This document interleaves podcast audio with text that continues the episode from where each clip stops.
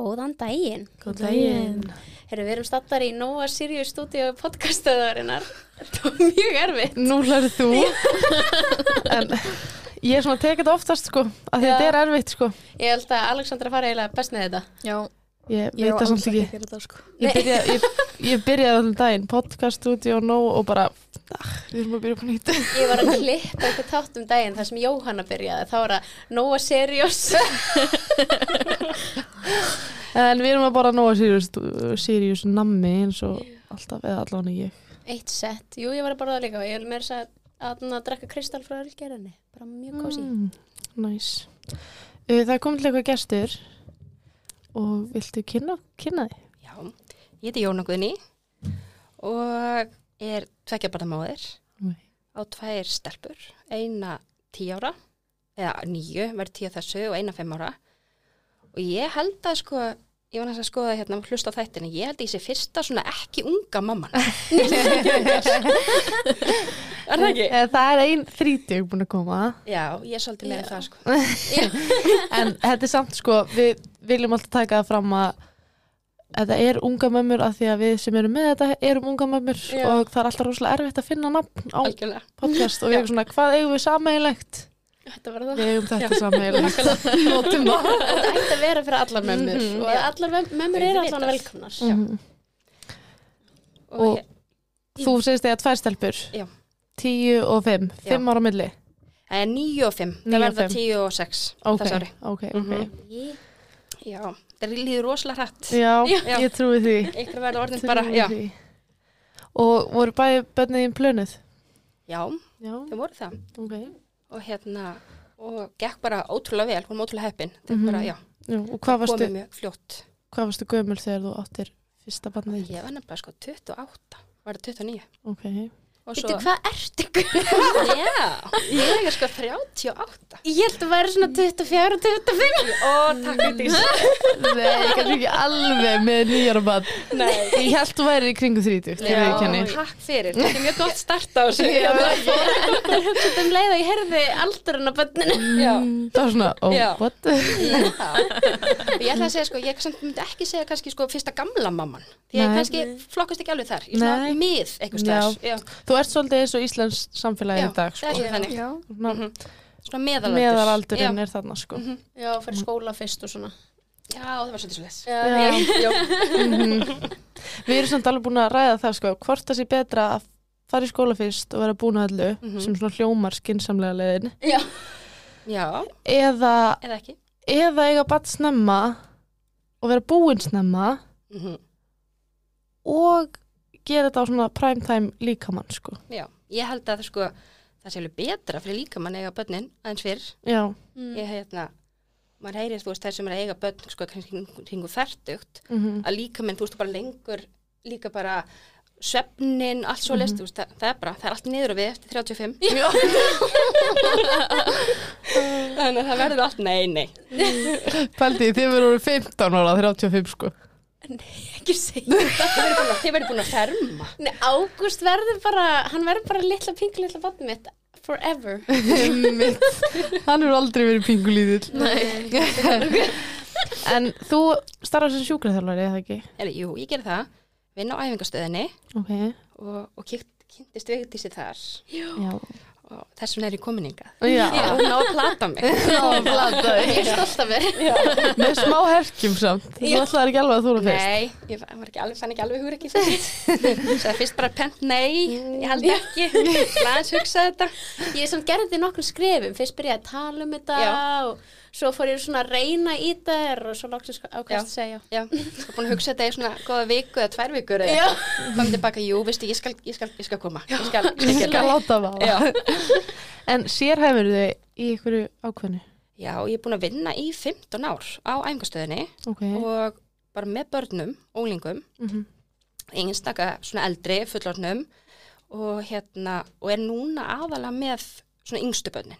Ok. Þannig að ég er svona mest að hitta börn frá svona fimm mánada og svona, jú, upp í átt ára kannski, er svona Mhm. aðalega leikskólaaldurinn Mhm. og svo nokkur sem eru eldri. Já, já.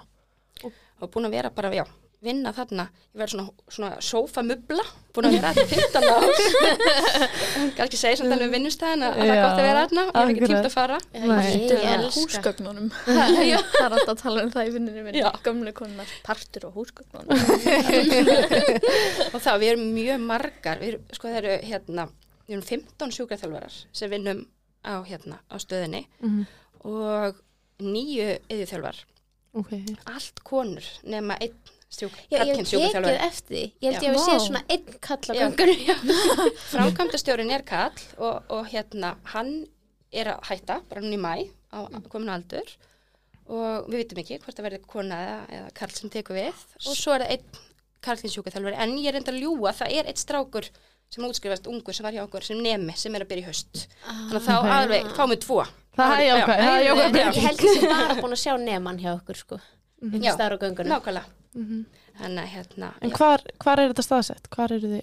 við erum að háleiti spraut og Ok. þetta er svona, það er ekkert- ekkert rosalega margir sem vita kannski af þessu stað en þetta, er, þetta er mjög stór stór svona vinnustæður og við tökum áttum mjög mikið af börnum og erum svona stæðsti já, bara svona batna og unglinga svona hæfinga og endurhæfinga staðurinn á landinu Ok.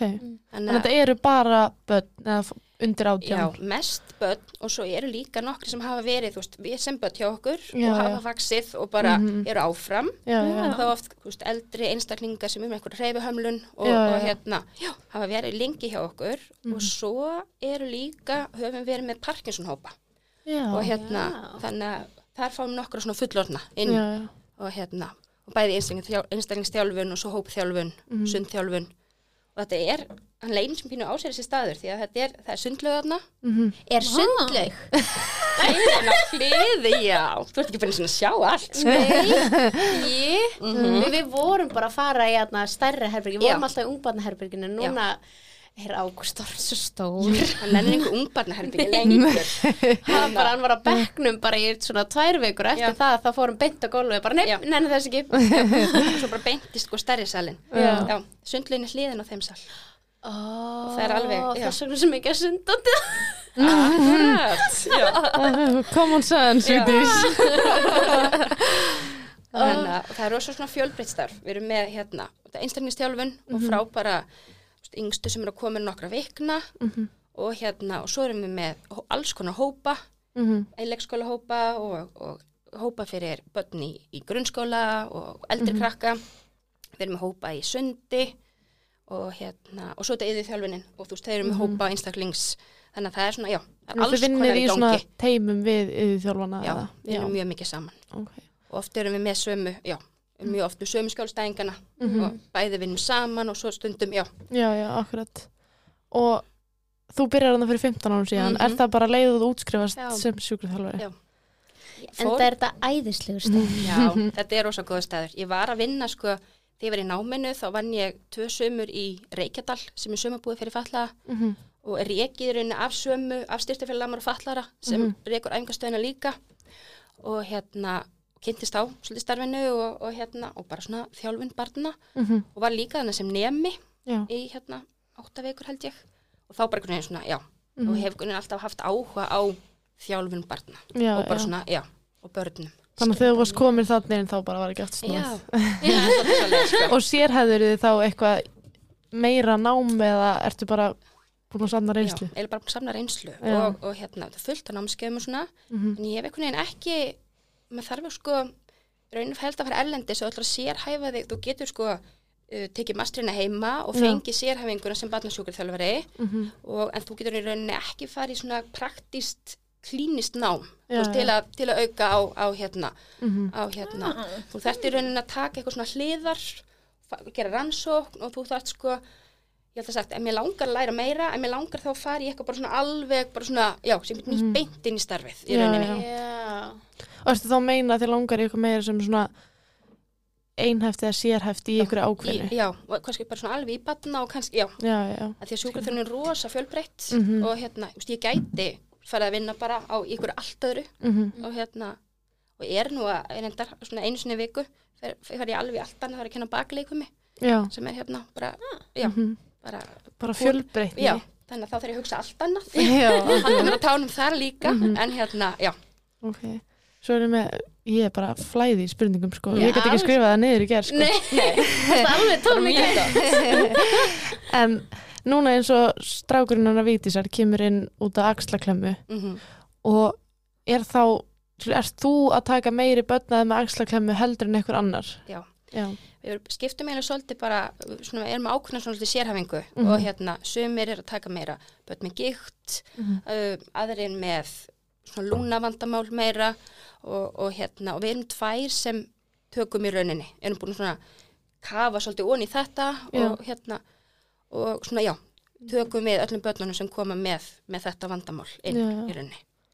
Þannig að hérna, Er axlaklemman bara svona ólík eftir hverju einu barni eða er þetta Já. alltaf bara svona svona alltaf líki grunninn af því þetta er alltaf svolítið sko þannig séð um, sami skaðin þó sé mismikill Mhm. og getur verið, þú veist, hann getur lýst sér í rauninu svolítið mismunandi en þetta er alltaf í hendinni og þetta Mhm. er alltaf einhver, einhver lömun í einhverjum vöðvum og, og sem kannski finnst síður, þú veist, það er svona líka skíntrublanir og svona mm og svo er þetta svolítið mismunandi hvað hvort það gengur alveg tilbaka eða hvort þú situr uppi með einhverja einhverja hérna, lömun í hendinni í einhverjum mm Mhm. ákveðnum vöðum en það er svolítið mismunandi eftir einmitt krökkunum hvar, þetta, þetta er svo flókið í rauninni uh, anatómian, þú veist, hvað Já, já. gerist og, og nákvæmlega hvaða taugar verða fyrir skaða og Skipti það máli? já, það skiptir öllu máli nefnilega -hmm. en þetta er, já, þetta er svolítið flókið, mér finnst þetta rosa skemmtilegt því að Já. þetta er svo, hérna En svona axlaklemma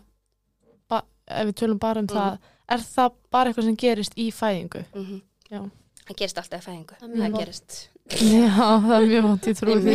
Ég hef ekki í mitt, já, ekki oft heilt sko upplifun, þú veist, móður þú veist, Mhm. já, Já, nei, einmitt. já, Þetta var mjög vant, við getum haft það þannig. já. Kemur fram í fæðingarsögunum minni. já, Mhm. Mæla ekki með þessu Sækir ekki um þetta. Nei, kantar ekki þetta. Nei, helst ekki. nei, og auðvitað, þú veist, maður vonar að, að hérna, og ég held að sko það sé alltaf að verða sko færri sem fá axlaklemmu af því það er bara teknin að verða meiri og, og svo leiðis, okkur, Ok. allavega okkar tilfinning mm á æfingastöðinni er að það eru jafnvel færri börn að koma Ok, Já. Já. En það sem yfirleitt, sko, þú veist, það er svona áhættu þætti, það ef að barni er mjög stórt Mhm. og þá er meiri hættu og það sem gerist í rauninni er að þegar, þegar hérna barni fæðist að þú festist öxlin, öxlin verður eftir eitthvað staðar á meðamagrindinni, Mhm. lífbeininu eða, eða spjaldbeininu, barni heldur áfram svona út og þá Mhm. kemur og þegar maður svona fyrir hans í anatómíuna það er heilir stjórnar öllu Mhm. svo kemur mænan niður, niður Mm. og út frá mænunni koma allar, allar taugarnar Mhm. Já. Og- og hérna og taugarnar út í handlegina þeir, þær koma út frá hálsin og milli hálsliðana. Og, og það sem myndar þessa armflækjun íslenska orðið í rauninni það eru sko það eru svona 5-6 taugar sem koma Mhm. og fengjast saman undir viðbeininu Mhm. og þegar kemur svo rosa mikið tók á þetta í fæðingunni Mhm. Víti skrætti bara hérna Ég ég er, nú, ég er að fá að vita svona alveg hvað gerist Já. barnið mitt. Þetta er nefnilega, og ef að kemur rosa mikið tók á þetta, þá geta taugarnar, það Mhm. geta bæði, þú veist, það geta tóknað á þeim og það geta slitnað. Já, já, Og, og svo fer svolítið eftir hvar tóknar á þeim, hvar slitna þær, eða, og fara þær alveg í sundur, eða hluta. Mhm. Þú veist, En er þetta alltaf svona ein heild, skil, fer Já. þetta allt allt, verður skaðið á þeim öllum eða, Já, það gerist yfirleitt að verður skaði á sér flækju sem er í rauninni fimm taugar sem tengjast saman þarna já. í eitthvað svona flækju og svo Mhm. aftur fara þeir út í hérna Mhm. og, og hérna, en svo stundum grær hluti en annar ekki já, já, og hérna, þannig að stundum ertu kannski með pínu og, og svo eru þannig að það hver taug á sinn vöðva og hver, hver taug á sinn sitt sko svæði á húðinni sem Mhm. það ítaugar sem, veist, já. og, hérna, þannig að hérna, ef einhver ánkveðin taug er bara verður ónýtt Mhm. að þá getur ekki hreift hann vöðva sem svo taug fer í já, Já. þá bara fær t- vöðvin engin bóð Mhm. Ok, heilu minn er sko að springa það er vera of hérna já. Þetta er sko, Þetta sko ég hef svo mikið áhuga á hjúkunarfræði, sko. áhugaverð Já, ég er Og sjúkraþjálfun. óskilur á þessu. Ándjór satt Ég bara- ofin munnin sko Ég var bara Þetta var líka góð útskýring, þetta var svona Já, já. nokkuð idiot proof. já, já, Það er bara geðveikt. Það er um þess vegna sem Ágúst er líka að hitta, hann eitthvað að hitta þig, Mhm. svo hann hitta annars sjúkraþjálfara á landspítalanum. Já. Ég held ég hafa mistað tíma. Heldur þú mistir á hann? Heldur ekki neitt?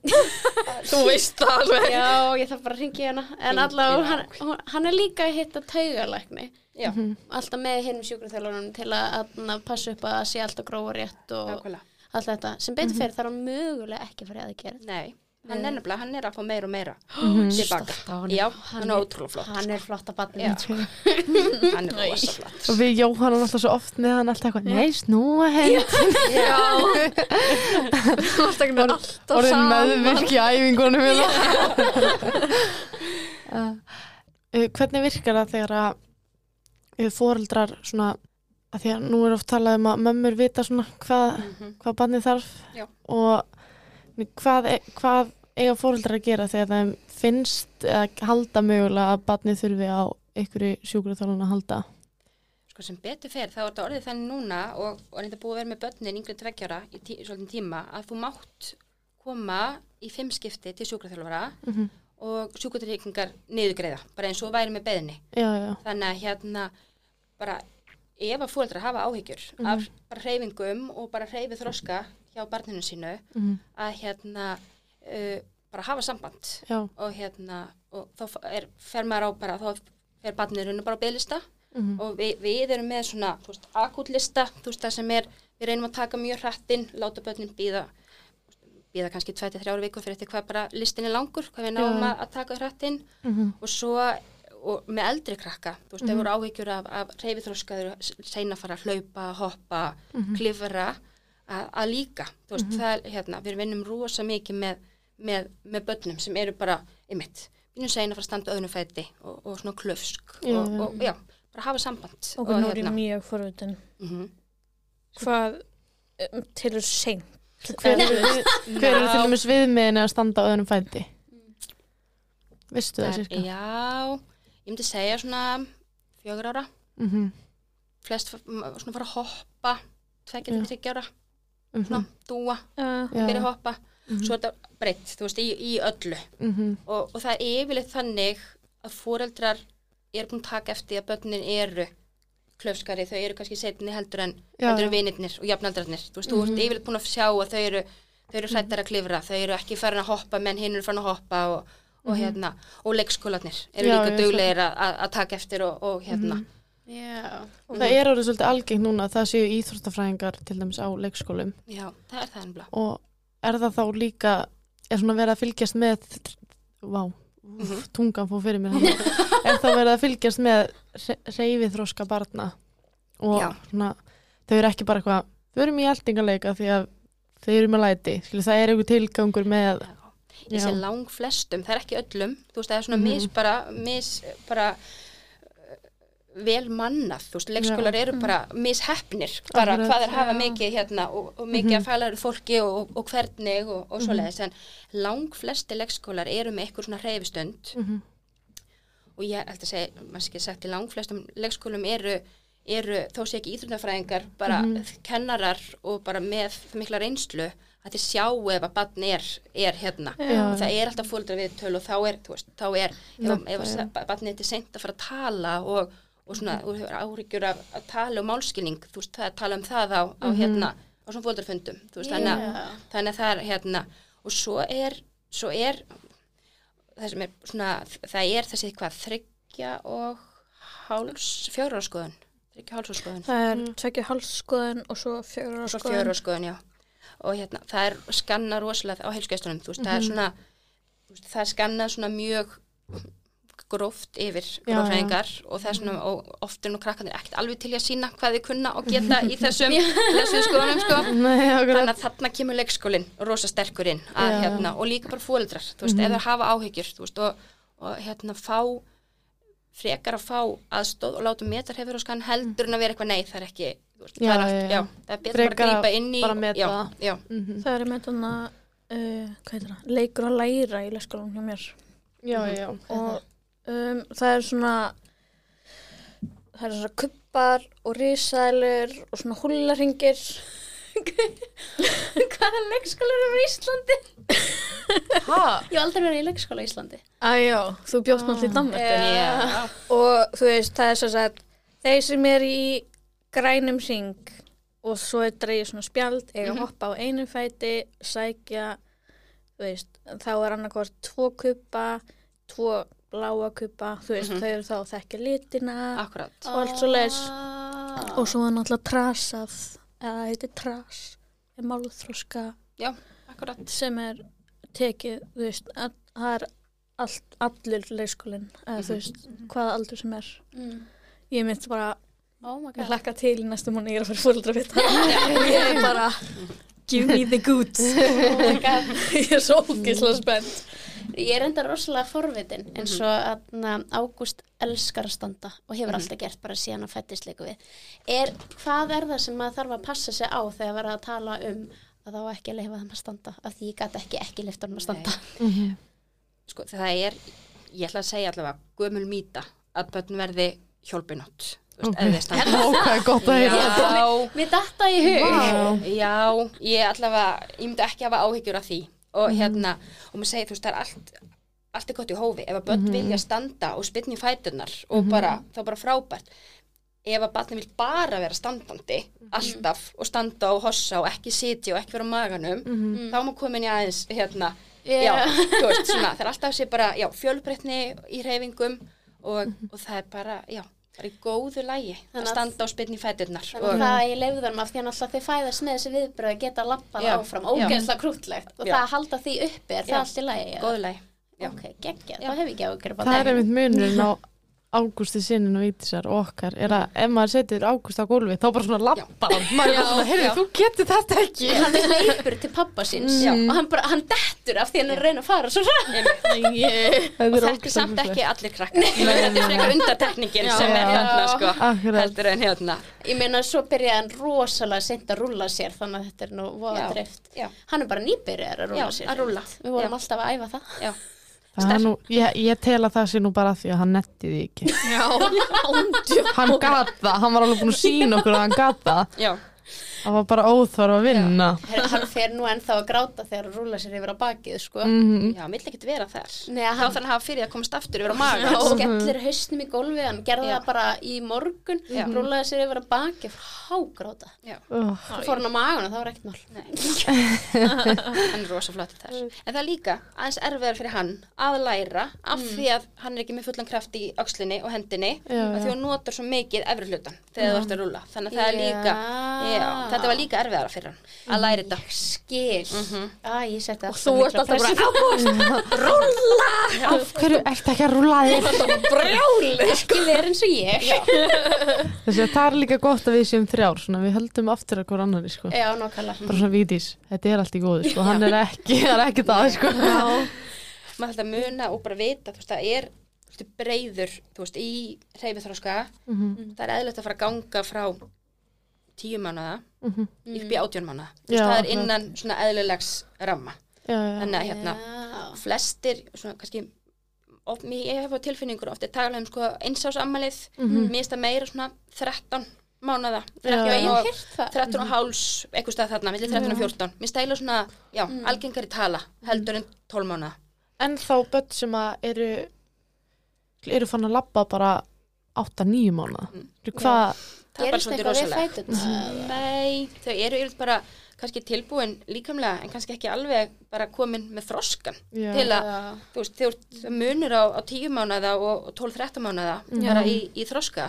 Og þegar 9-10 mánuða fann að ganga og fann að komast alls konar bara labbandi, það er bara pínu hættulegt. En þú stoppar ekkert krakka, þú veist, þau er bara ef þau eru komin að þroska, þá bara fara þau að stað. Og það má bara passa þetta ég hef einmitt eitt frendar sem er svona sem Já. er bara ótrúlega fljótur á öllu Mhm. og mammans bara, mér finnst því smá hafa verið svikin af svona ungbarna Já, bara, hann hefur ekki hann hefur ekki neitt vit Nei. hann bara lappar á eitthvað, Ég veit. skrýður á ég veit eitthvað þau fá miklu frekar kúlur og Já. þú veist, þau eru bara, já, það vantar bara þarna smá, Já. mikilvæga mánuði Ég verði bara mjög fein að ná þannig var 14 manna Mhm. þegar hann, við bara hann að fluttum í oktober inn öll þrjú saman í fyrsta skipti Já.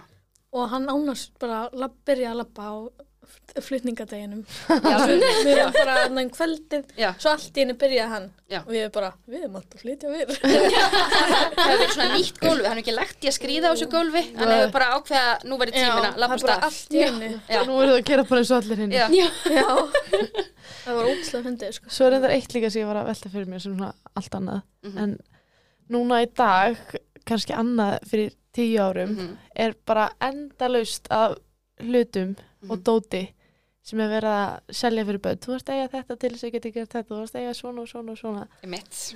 En aftur á móti finnst mér líka hlutur vera svona detta úr tísku eins og Mhm. gungugrind og eitthvað Mhm. svona. Mm. Þetta er alltaf svona allt eða ekkert dæmi, sko. Þetta er svolítið svo leis og ég hugsa oft bara að hérna vera, þú veist, nýbakaður, nýbakaður fóreldra í dag, að því að bara, það, einmitt, það er bara ofgunótt af alls konar tækjum Mhm. og, og samfélagsmiðlum og, og auðlýsingar og allt þetta, þú Mhm. þarf svolítið að eignast allt saman, þú veist, þetta er allt rosa mikilvægt og svona. Já.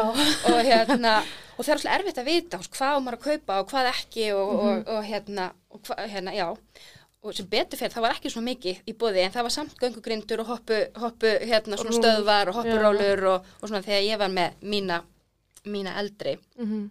en hérna já, sko, ég segi alltaf þú veist, og, og við erum sammála sjúkraþjálfarnir að hérna uh, það sem fóreldrar þurfa að eiga Mhm. bara þegar barnið kemur, ef þú ætlar að fara með í bíl, þá að eiga bílstól Mhm.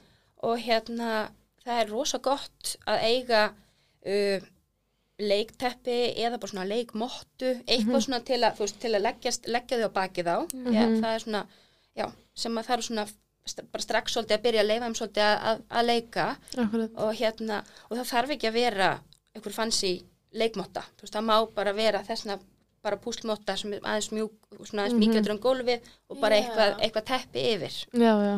og hérna og svona leikbogi, þú veist það er alveg skemmtilega þessar leik, leikmottur og Mhm. hérna og það var gaman að hafa dótið maður er með leik svona boga fyrir ofan og en maður þarf alveg svona líka að hugsa eins og hérna leik, leikbogar það er oft uh, dótið er svo hátt uppi Já, já. Að hérna það er svona meira fyrir þau að horfa heldur en að ná að leika með það þeir eru Já. orðin að seldri þetta ekki þarna alveg nýfætt Mhm. og, og hérna þannig að mér, maður þarf svona það má oft hugsa um að dótið á að vera svona til að grípi í og Mhm. reyna að ná í og slá í ekki það hátt að þú eigir ekki sens að ná í það Já, já. þannig að maður svona Ágúst var um búin að missa bara áhann á leikteppinu þegar hann loksist náði í dóti. mm. og maður getur oft eitthvað svona að setja ykkur böndið eitthvað til að fá dótið neðar Mhm. nær barninu Mér finnst oft svona óróar sem eru settir svona rúm eða mér finnst þeir oft vera bara alveg þýlít hátt uppi þannig að það er bara Já. að horfa á það. þeir eru bara svona til að horfa. Það var ekki fyrst hjá Ágúst en áraun, Ágúst var náttúrulega frekar sterkur, þarna, svolítið snemma. Mhm. Þannig að hann byrjaði að grípa í óráan, óráan detta á hann, þannig að ég er ekki Já, með óráa ég rúminu. þannig að maður nær þá hérna en svo er þetta svo með göngugrindur og hoppu svona hoppu rólur og svona Mhm. um, þetta er ekkert bannað Nei, nei. en hérna uh, þú veist, allt er gott í hófi en, en ég myndi ekkert mæla með þessu Nei, það er bara hérna ég vil bara betra að sleppa þessu. Mhm. en, en hérna uh, með svona göngugrindur það sem hefur sko uh, það er svona það sem ég svona kannski svona myndi mest að svona allavega sleppa ef, Já, ef maður gæti. Og, og það er út af því að, að þau, þau eru bara geta verið hættulegar líka. Þú veist, það er þau komast, þau eru pínu lítil og þau teiplu tánum í þessu og þau eru ótrúlega fljót að komast á staði í þessu. Og maður eiginlega trúir ekki hvað þau eru fljót að, að ná að spilna sér á stað og þau komast á staði sem bara þau hafa ekki þroska í að ná ykkur skúfur og, og hérna innstungur og skápa Ég var að tala við hann um þetta sem sagt. Allt í einu komst Ágúst í innstungur og svona. Já, Já. þau eru svo ótrúlega fljót maður bara hvernig fattar ekki hvað þau svona lítil getur verið rosa fljót að, að komast á stað Já, að- bara á tveimur dögum sko. Ég tek líka eftir því að þú segir tippla á tánum. Já. Og er það ekki svolítið, er það ekki að kenna þeim að lappa svolítið á tánum en ekki á fætinum alveg? Jú, algjörlega. Og, það, og það, þau hafi ekki þroskan eins og þau eru ekki komin með það þarna alveg, alveg að standa yfirleitt í fæturnar Já, og taka skref nema svona eitt og eitt já, já. og hérna, þannig að þau eru bara tánum og eru bara að spetna sér. Þannig að þú ert ekki að flýta neitt fyrir göngu. Nei, þú ert frekar að taka af þeim tíma sem þeim væri frekar að leika sér á gólfinu. Þar sem að vill eitthvað negin að þau eigði langmestum tíma. Já, já. það er bara á gólfinu að leika. Að hérna, já, og þessi tæki almennt þau Já. gera Já. það svolítið. akkurat. Ég, þarna, að, ég talaði við Jónu áður en ég var með göngugrindin, ég fekk henni sem sagt í jólagjöf. Já, en sko, ég ætla bara að benda á það að Ágúst lappar ekki í göngugrindin, hann spytni sér. Það er alveg málið. Hann kann að lappa þegar hann heldur í Hendur, en hann getur ekki að lappa í göngugrindinni nema Mm. kannski einu sinni og einu sinni. Nákvæmlega. En einmitt, kemst í allt og Já. einu skiptin sem ég nota þetta. Mjög, mjög, mjög þægilegt að hafa þetta en ég er með limit á þessu. Já, ég, já. það er bara meðan ég er elda. Já, og af því að þá er hann venjulega ógeðslega pyrraður og þetta heldur hann góð með smá stund og ég er með ekkert inn í eldur sinni núna. Akkurat. Nema Já. fæskópli svona gott free station og eitthvað. það er það og ég, bara, úst, viðkenni með mína eldri þá var ég með svona hoppurólu. Ég er með hoppurólu. Og veist, hún fæk að fara í henni í smá stund meðan ég var elda. Þá bara, bara, ymmit, passaði að nota hann í hófi. Já, og akkurat. hérna, Er þetta ekki bara svona pick and choose? jú, það er það. Þú veist, mér finnst lang skemmtilegast að vera bara á gólfinu Mhm. með strákana Mhm. eða þú veist, þegar Nathan var lítill núna Baltasar en stundum verður hann bara brjálar á gólfinu og langar að fara að hoppa Já. þá bara sitja hann og hoppa í smá Já. stund, skilur og Já. svo bara fyrir við aftur á gólfið Nákvæmlega mm. Ég er einmitt ekki með neitt svona engung út af plásleysi. Já. En ég er alltaf bara ákvæður næst að vera með eitthvað hann í hóðinu akkurat núna, en Já. nei, við þurfum bara að lappa í ringi í staðinn. Svo er þetta erfitt, ymmit, ef þú ert með ball líka sem er kannski óvert á gólfinu Mhm. og, og hérna, unni sér illa á gólfinu að þá, hérna, hann bara leikur sér ekki sjálfur. Nei. En skilur, mamma mín elskar þetta þegar ég var svona, sko. Já. hún er bara vákvæði fegin og þú sérst að upplifa þetta og vorkinni mér ekki neitt, Nei, sko. nákvæmlega, bara Svo þetta skilið Mm. Já, og þeir eru á svona aldrei núna þess að þeir komast ekki áfram sjálfur ekki skrýðandi eða labbandi Nei. eða neitt en þeir vilja ekki vera á saman stað. Nei Það má ekki einu sinni sitja í sófanum, sko. Já, þeim langar svo mikið sko. Já, krummi fann það hann var að fara að staði það ekki? Já. Já. á maganum. Já, hann er, Já. hann er armiskrið Já, akkurat. Mhm. Eða hann er sko farin að setja ég eh, held að ég hef sett einhver myndbanda í dag. Í morgun. Hann svona spyndi sér upp með hendunar setti hnén undir og svona hlamp það er svona Já, það er alveg ótrúlega krútlegt að fylgjast með þeim þegar þeir eru að fara af stað og fatta hvernig Já. þau eiga, þú veist, sum nota hendurna, sum eitthvað neinn, þetta er bara svona, þú finnur leið til að komast að stað Mhm. og yfirleitt verður miklu skemmtilegra að vera á maganum og vera á gólfinu þegar þú kemst á stað. Já. Nathan er með sko sko með við Nathan þá Baltasar sko seinn já, já, já. og hann er ekki setn og hann er, þú veist, og tenglega sé er hann ekkert seinn Nei, Nei, nei, nei, hann er hvað að vera sjömanna núna Mhm. bara nei. miðjan mars Já, nei, ekki segja þetta já. Já. og þú veist, Nathan var fann bara biljón hann sko. mhm, í þessu armiskriði nákvæmlega. Já. húslafindi en núna uh, til dæmis þegar ég var nýbúin að eiga Elmar Mhm. þá ætlaði ég að fara að kaupa hérna bað eða baðbalan því ég bara með styrstu heima að mér og baðsætið í baðið og ljósmaður mér svona, eða svona svo sem kom heim til mér bara Já.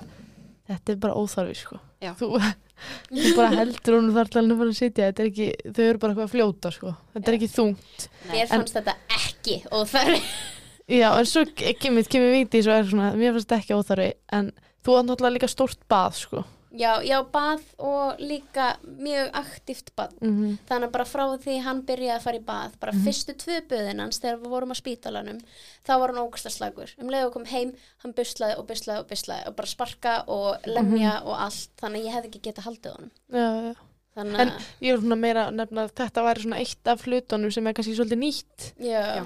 Sem er alltaf svona að bætast við. Akkurat. það er svo að tala um þessi baðsæti. Já, Já, bara, ég skil alveg já, þessu sem hana sitt frá hann að Angel Cares já, okkur fleiri það Já. er komið Já. eitthvað bali með, sem hægt að festa sæti við Já. og bara svona Ég var nú já, já, bara með svona IKEA bala. Því ég Já. var með sturtu og svona sturtu bótt sem ég bara, já, Já. þú veist, Já. held onni og leiði að sprikla og hérna, já, Já, ég með þetta búin að fara, fara upp í sæti já, Já. svo það Hann- líka, já, þú og getur, hann já, er bara, hann svo Já. elskar hann já ég skil er- það er mjög vel sko, saman orðin í það stór já, sko. þá er það rosa þægilegt að geta setið og buslað. þá sita þau líka bara upprétt og Já.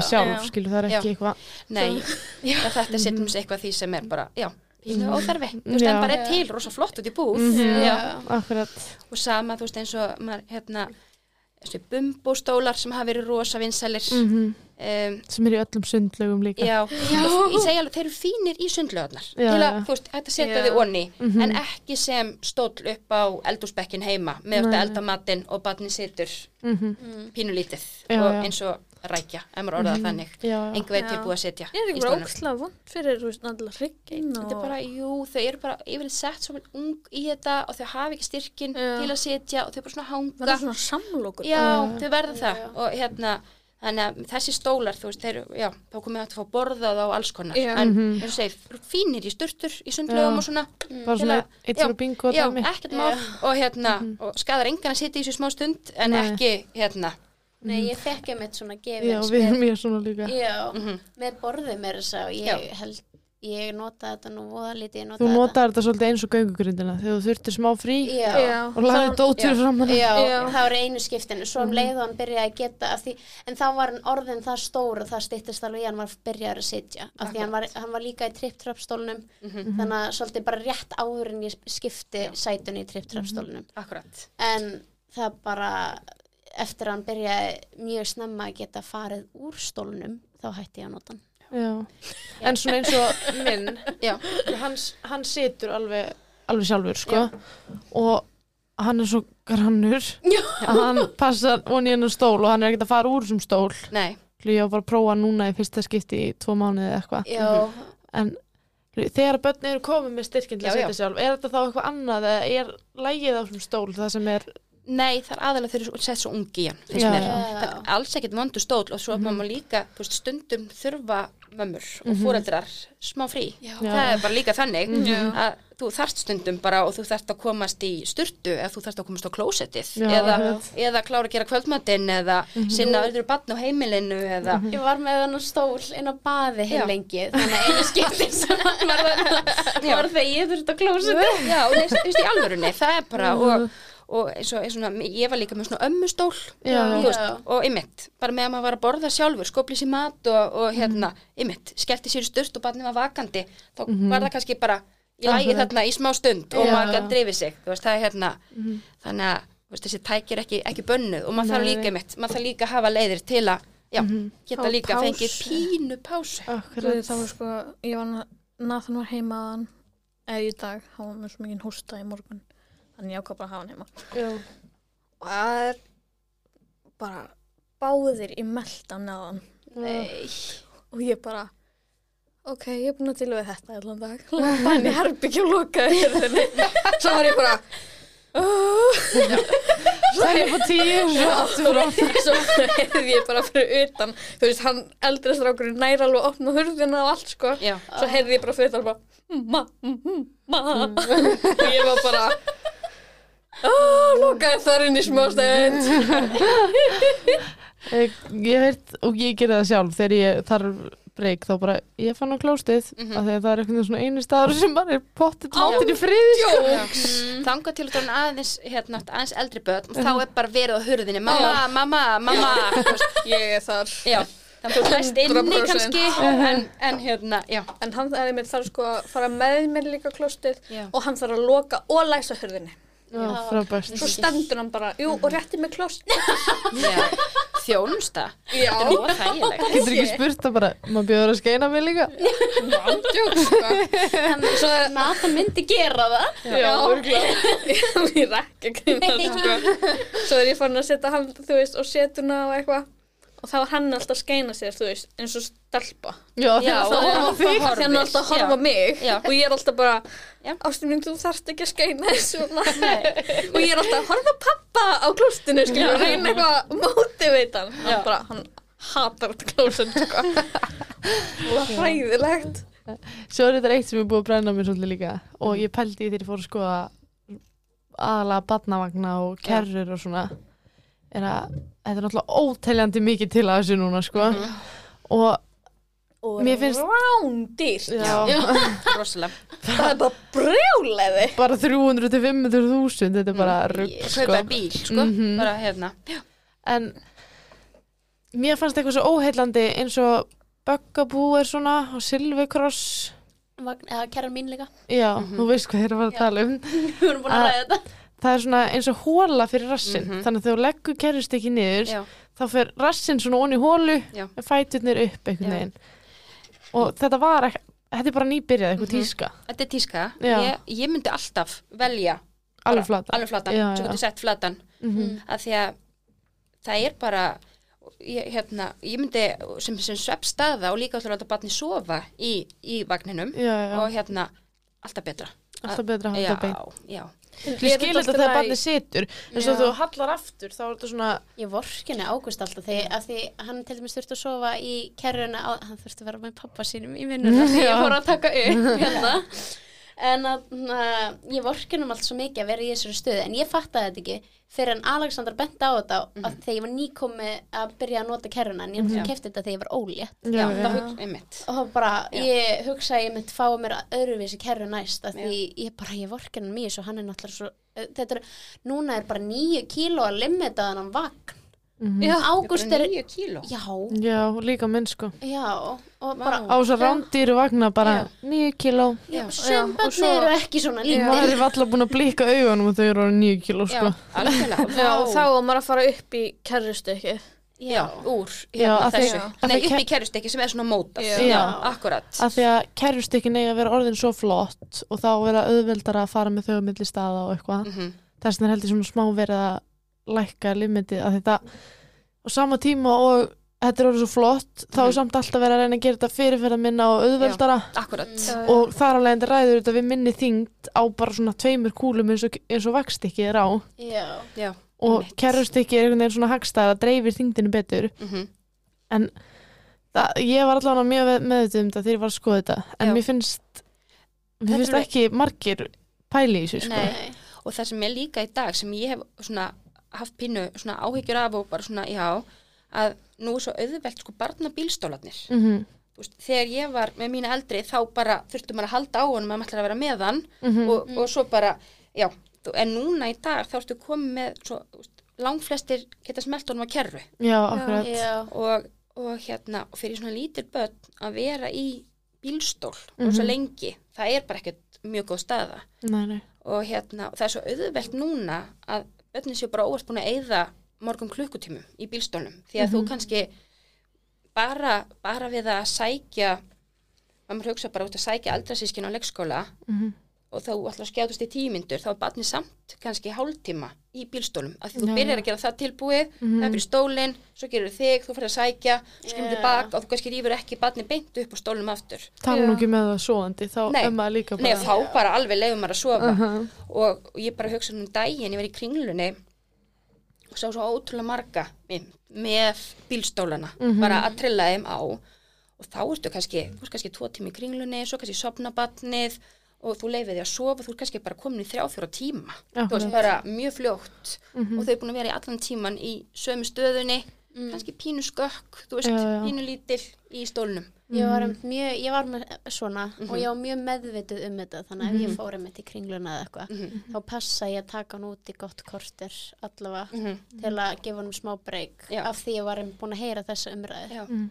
þetta er, og, þetta, þetta er svo ótrúlega handtækt Mhm. og, en það væri alltaf betra bara að taka mitt vakstykkið, skella því á þá er barnið útaleikjandi og Mhm. getur hreift sér miklu frjálsar akkurat. og hérna, en Þetta er, það kom náttúrulega bara að því að það var að tala um hvað væri þungt að halda á bílstólunum skilju, þetta er, nú þannig verið að auðvelda algjörlega, líkamlega, það fær illt í baki skilju, akkurat. Og þess vegna held ég að þetta sé gott upp að því að fara þegar þú ert að lappa upp í ungbarnavend eins og hjá okkur að höfða, skilju, þú ert að lappa bara allt og langt til þess að vera að halda á stólum sko.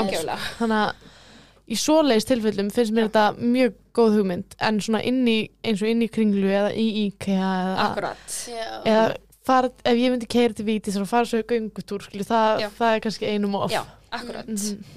Já, en Ég bara frábært, þeir eru svo Já. þungir þessi stólar, Ég að það er alveg geggja að sé hægt að skella þeim á sko. með já, Mm. Ég myndi var með Nathan, ég var mjög streng með þetta og Mhm. fólk var alveg bara, Jóhanna, come on Mhm. og ég er bara, þetta er slengt fyrir baki á þeim Já. og ég fór aldrei í neinar þú veist, langar bílferðir ég fór ekki neitt fyrir hann, nánast, fyrir hann, hann skipti um, yfir í, í í næsta. stól nummer tvö sko. Já. Mm. og En nú- þá var hann eitthvað um fimm mánu af því að hann meikaði ekki hennan bílstól hennan ungbanna bílstól hann, hann var bara, sitja gat ekki verið í þessu liggju þú veist, hann var alltaf bara eitthvað eins og ykkur rækja hann þóldi þetta ekki. Nei, nokkala. Nú eru til tvær, ég skilja þetta er marga gerðir, en svona tvö lög, ef maður má orða það þannig. Já, Að- hægt að draga það og, Já, líka bílstól, hann er nummið tvö, Já. sem kemur henni eftir ungbandabílstólnum. Það er verið að tala um ellaga og svona sélaga. já, Sé, þá ertu í meiri svona, Já, svona svona já, já, og og það vera- ertu, þá ertu svona meira, meira að vera rétt úr þér. Og það er verið að tala um að ellstólinn sé svona, þá verður minni þrýstingur á magan Já. og minni líkur á ógleði eða bílveiki og eitthvað svona. Mhm, Ég fór líka pæli í því þegar þú ert með bann sem er að stækka svona mikið. mhm. Svo er í þessu sélaga dæmi, skilur, sem er Mhm. svona kúft, Já, sem er kannski rosa kósi að sofi, skilur, í já, En myndið þú ekki allan daginn velja en hann ellaga frekar þar sem geta rétt úr sér? ég held að ég myndi gera það. Jú, Já, já. jú. En þetta ellaga dæmi er bara nýtt, sko. Veldu við alla þetta. Já, við veldum ella. Já, líka út af samt ekki, sko. nota. Jú, þeir eru öll. Já. Nei, ég er að tala um, þú veist að tala um að þetta verið svolítið nýlegt, en Já, samt já. ekki, sko. Þetta er Mhm. búið alveg að vera, Svona Þetta er svo nýlegt í umræðinu, þetta þetta- hafi áhrif. já, sko. þessi umræða, þetta sélaga og ella Mhm. er alveg frekar nýlegt. Ég, líka, ég myndi mist svolítið af þessari umræði. Já. En ég myndi alltaf velja, þú veist, ég myndi aðeins, svo alltaf vera að prófa ný, svona öryggisprófa og svona. Mhm. En, en hérna, maður þarf líka myndi að hugsa, þeir eru svolítið lengi í stólnum með tvö. Já, Þú veist, þau, já, mhm. og þau þurfa nefnilega að vera og ég vissi það ekki ég hérna á eina rosa netta mín er nett þessi fimm ára, mjög Mhm. létt og hérna hún er fimm ára, loksins að skipta í þryggjapuntabelti já, já, já. Hvað er hún til dæmis, ok, maður ég spyrja, hvað er hún þung og hún er, stór? sko, ég held hún er núna 16 kíló. Já, Mhm. og hún var orðin sko passaði alveg í hins einn stól því sýstarinn er á, á, á þannig. Þannig að ég var stundum að leifinni bara svona heima leikskólanum og svona í staðan fyrir að tróðinni í, í fimmpuntabelti og mm allar vinkunarnar komnar í hins einn stól að þá Já. leiðin að fara í bara stólinn sem sýstarinn átti. Mhm. en hérna svo fórum eitthvað að skoða stóla í, í fífu hérna og ég fyrir eitthvað svona, hún bara er, ertu viss um að sé alveg 15 kíló?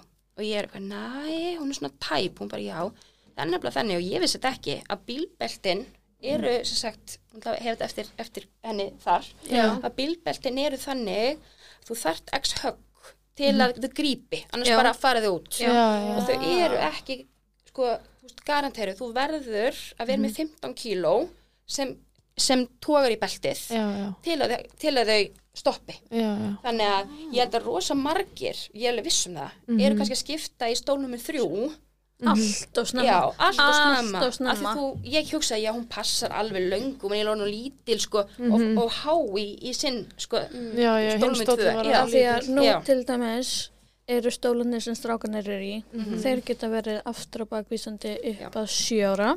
Já. Við veldum það sérstaklega Já. af því við erum búin að, búin að eiga þessu umræðu mjög Já. oft. Og mér finnst þetta líka mjög mikilvæg umræða Mhm. og mér finnst þetta mikilvægt að fólk viti, þú veist, það er mikið betri kostur að hafa ba barnið eitt bakvísandi, mm þú veist, það er til fullt, fullt af myndböndum og svo les, Mhm. hvað, og það er, rosa- getur verið svo hættulegt að vera til dæmis, þú veist, fimm punktabelti framvísandi, -hmm. af því þá er til dæmis allir líka með festur en ekki hausinn, mhm. þannig að, Það sýnir svona höggið, þú Já. getur séð munin á högginu eða þú snýrð fram eða Já. snýrð aftur. Já.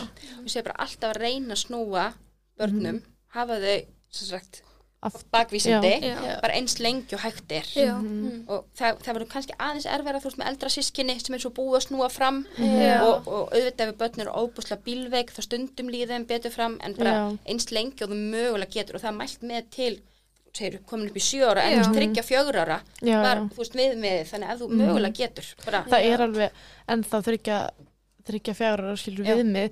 En með þessum be safe stólum sem við erum komin í núna Já. þar er það er svona verið að reyna að sína fram á að það er hægt að vera lengur en þryggja fjara Já. og þau eru örugari akkurat það Þau er eru með hana á umræði hana grúpunni bílstóla umræðu Já. grúpunni Já, ég er sko number one Já. fan þar sko. það er kona sem er þar inná og hún er bara búin að fræða börnin sínu um það Mhm. að þau eru mikið örugari svona Mhm. þú veist, og börnin þeirra er við vinni sína veistu hvað er, þú veist Mhm. þú veist, hættulegt fyrir þig að snúa fram ég er mikið örugari aftur og bak heldur en, þú veist Þetta er svo er gott að börnin. Allir fáist nú fram nema ég. Já, og svo, svo þegar hann er eldri sko, það er allir hættir í bílstól nema ég, því Já, að þú átt að vera bílstól upp í 1.35 Ég var þannig, ég er náttúrulega rosalega lágvaksin Já. Ég var alltaf að þræta um móðu mína varandi það að ég vildi vera ekki í stól. En pældi ég bara propsa hana að standa á sínu Um, fann veist, það, af því að það er bara upp á þitt öryggi. Þessi börn er ekki heimsk, sko. Þegar þau eru komið með eitthvað vit, Mhm. Þá er, þá er máli bara að útskýra fyrir þeim af hverju ertu að nota hennar bílstól. Já. Og það er fullt af myndböndum í dag sem geta sínt þér af hverju Akkurat og hver munurinn er. Og ég held bara að leið og maður talar við börnin á svona jafninga grundvelli Mhm. um svona hluti, þá held ég að þau hætti þessu, sko. Já. já, allan daginn. Algjörlega. Ekki, ekki þetta hóta löggan kemur bara ef Nei, þú ert ekki er Tala er bara, já, Mhm, bara að ég nenni ekki útskýrða þetta. Löggan kemur bara ef þú ert ekki, ef þú ert ekki stólnum. Þá eru börnum bara hvað er aðeins? Sko? Börn er aldrei að koma sko. Löggan kemur aldrei en, Nei, en af hverju þarf ég að vera í þessu? Maður, þarf, maður þarf útskýringar á öllu sem maður er að gera. Ég meina við þurfum útskýringar. Já. Já, þannig að og maður spyr sér alveg stundum af hverju er ég að gera þetta Mhm. já, já, ég er að gera þetta því að ég þarf að sapna hérna upp í til þess að geta átt íbúð já af hverju má ég geða peningum mínum já, Já. því ég ætla að ég heim eitthvað við, við, við, þörnust öll þessa útskýringu Mhm. og börnin líka Já, og algjörlega. jáfnvel bara meiri útskýringar sko. Alveg, já. Na, og ég held að sé líka að þetta horfa enda með jafninga grundvelli skilur, ekki, ekki láta þau finna að þau séu heimsk eða eitthvað skilur, Nei. horfðu bara í augun að þeim og útskýru bara á þeirra, lefili þeirra Já, leveli, þeirra akkurat. máli Já, Já. Nákvæmlega og er það ekki svolítið líka sem að þú ert að vinna með í sjúkraþjálfunni er að þau kannski skilja ekki anatómíuna eins og þú varst að útskýra fyrir okkur nei, en sem þú þarft svona að finna út hvernig þú getur útskýrt af hverju þú ert að gera þetta og, og þetta er kannski vont í smástund eða eitthvað svo leis Akkúrat. já, já. og það er svona mynd, það er svona tímabil sko sem er svona erfiðast þegar hún úst, ákveðin, er Mhm. auðvelt að vinna með þeim kannski pínu litlum, með svona Já. getur lokkaðu auðveldlega og, og svona látið gera svona erfiður hlutina og með smá svona, já, bara skemmtilegu dóti og svona, Mhm. svo kemur oft svolítið erfiður aldur þar sem þú ert sko hefur ekki þroskan Mhm. til að skilja akkur þetta að gera eitthvað sem er erfitt og kannski pínu vond ef maður að tegja Mhm. vöðva, maður veit alveg sjálfur það er pínu, maður finnur alveg að maður að tegja það, það getur já. þarft að, gera það Mhm. og einmitt, það er þannig svona svo leið og þau fara að skilja Mhm. og fara að finna líka stundum að það er bara betra maður er búin að tegja, maður, þú veist, maður líður betur að gera æfingarnar og ég þarf Mhm. að gera að því ég ætla að gera höndina sterkari eða fótinn sterkari, já. þá er maður komin á miklu en það er þannig, já, það er svona akkurat Mhm. Það er- ákveðin, ákveðin svona bil, Bil þarna já, sem er Já. pínu erfitt Mhm. og Já. hvernig nærðu hvernig nærðu að samfara þessi börn þegar þú nærði skilja Já. hvað er það Ertu meina sér sem er á erfiðabilinu? Já. Sko, maður er, ég hugsa, maður er allan daginn svona að lokka, þú veist, Mhm. með dóti og, og svona, þú veist, maður er alltaf að svona, já, það er alltaf eitthvað velun alltaf eitthvað vellaun, Já. þú veist, og eitthvað svona skemmtilegt, þegar maður gerir eitthvað þrautabröð, þá kemur eitthvað, eitthvað erfitt og svo kemur eitthvað létt og skemmtilegt, þú veist, maður er alltaf svona, þetta er alltaf leikur og maður Mhm. Er já. alltaf, og því að það sem er að gera það, er veginn, það þarf alltaf að vera pínu skemmtilegt já, já. og, og sem litlu, þú veist, en stundum með seriós, þú veist, að lokka, Mm. Vá, ég þarf að koma Mm. tíma með seriós Ég eigum meira sér seriós í dalli.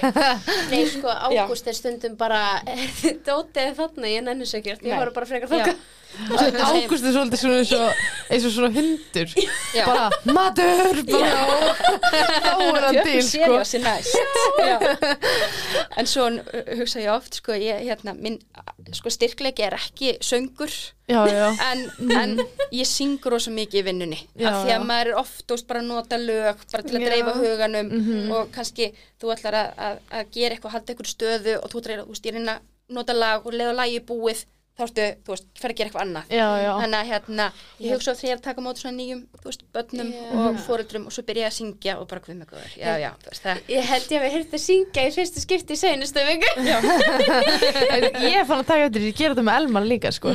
Ég Er fann að- þetta líka með ég- hef aldrei sungið sko, ég syng Nei. ekki vel Nei. þó bara, Nei, ég er bara sama stað, sko. já Já, og þetta, er bara, þetta er bara það sem virkar best til þess að fá hann til að borða skilur, hún finnst ekkit gaman að borða Nei. en leiði ég byrja að syngja eitthvað þá svona horfir hann á mig og hann er regla að hlæja að mér skilur, Já. hann opna munni Já, þú dreifir huganum, Já. þú bara al- hérna, tekur aðeins aðteglina sko Já. í hérna, og þá er ég allir spennandi smástönd annað en hvíti vekkurinn hann að hinum megin akkurat. Já, Hvítu vekkurinn. Það er bara allt meira spennandi en ég þegar hann á að vera að borða óskeiðin, Já. þannig að Nei, ég nota rosa mikið, sérstaklega þegar ég vil að Ágúst vera aðeins lengur á gólfinu eða ég er aðeins að tegja honum með eitthvað þá reyndar ég, not, ég, ég kveikja tónlist og syng með af því Já. ég veit að mm mynd, hann myndi fá illt í eirun við að heyra mig syngja en ekki að mennst í bara strax. Nei. Nei. ég, ég er búin að reyna þetta að kveikja tónlist og syngja með en þá horfir hann bara á.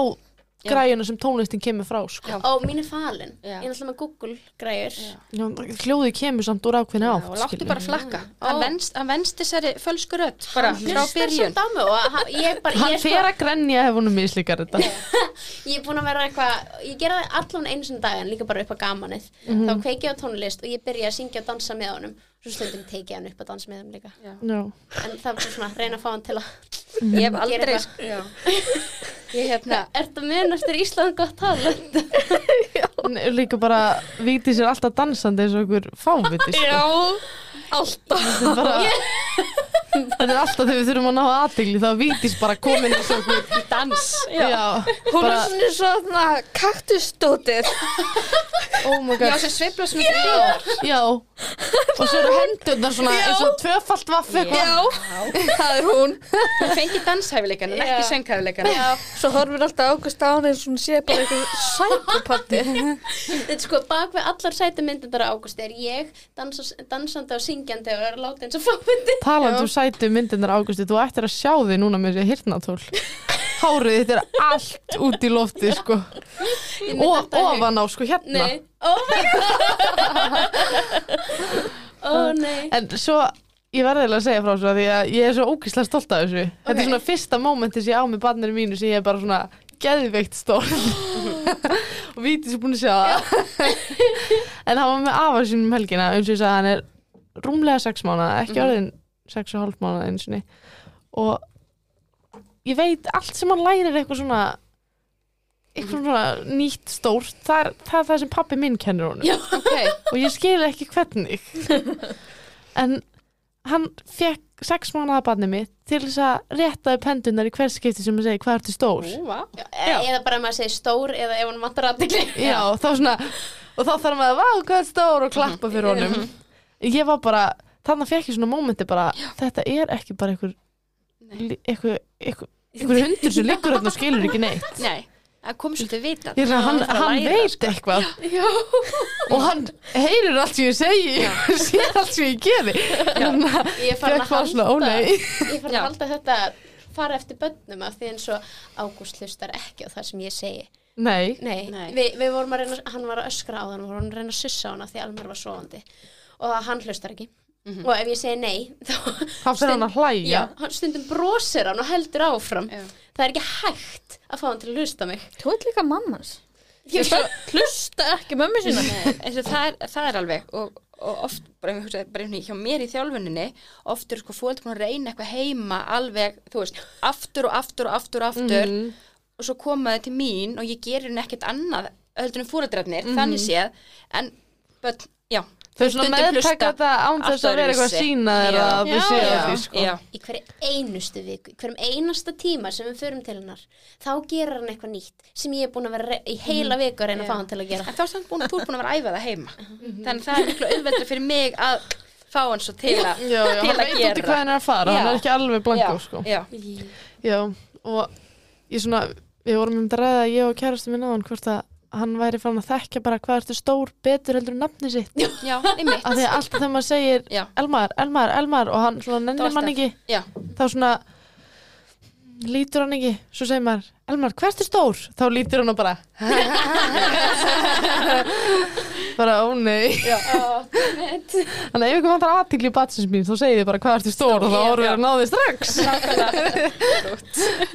Eh, en ég var að pæla svona, sem tengist aðeins þessu. Hvað, ertu með einhverja svona æfingar sem er fínt til að æfa til að örfa börnin? Já.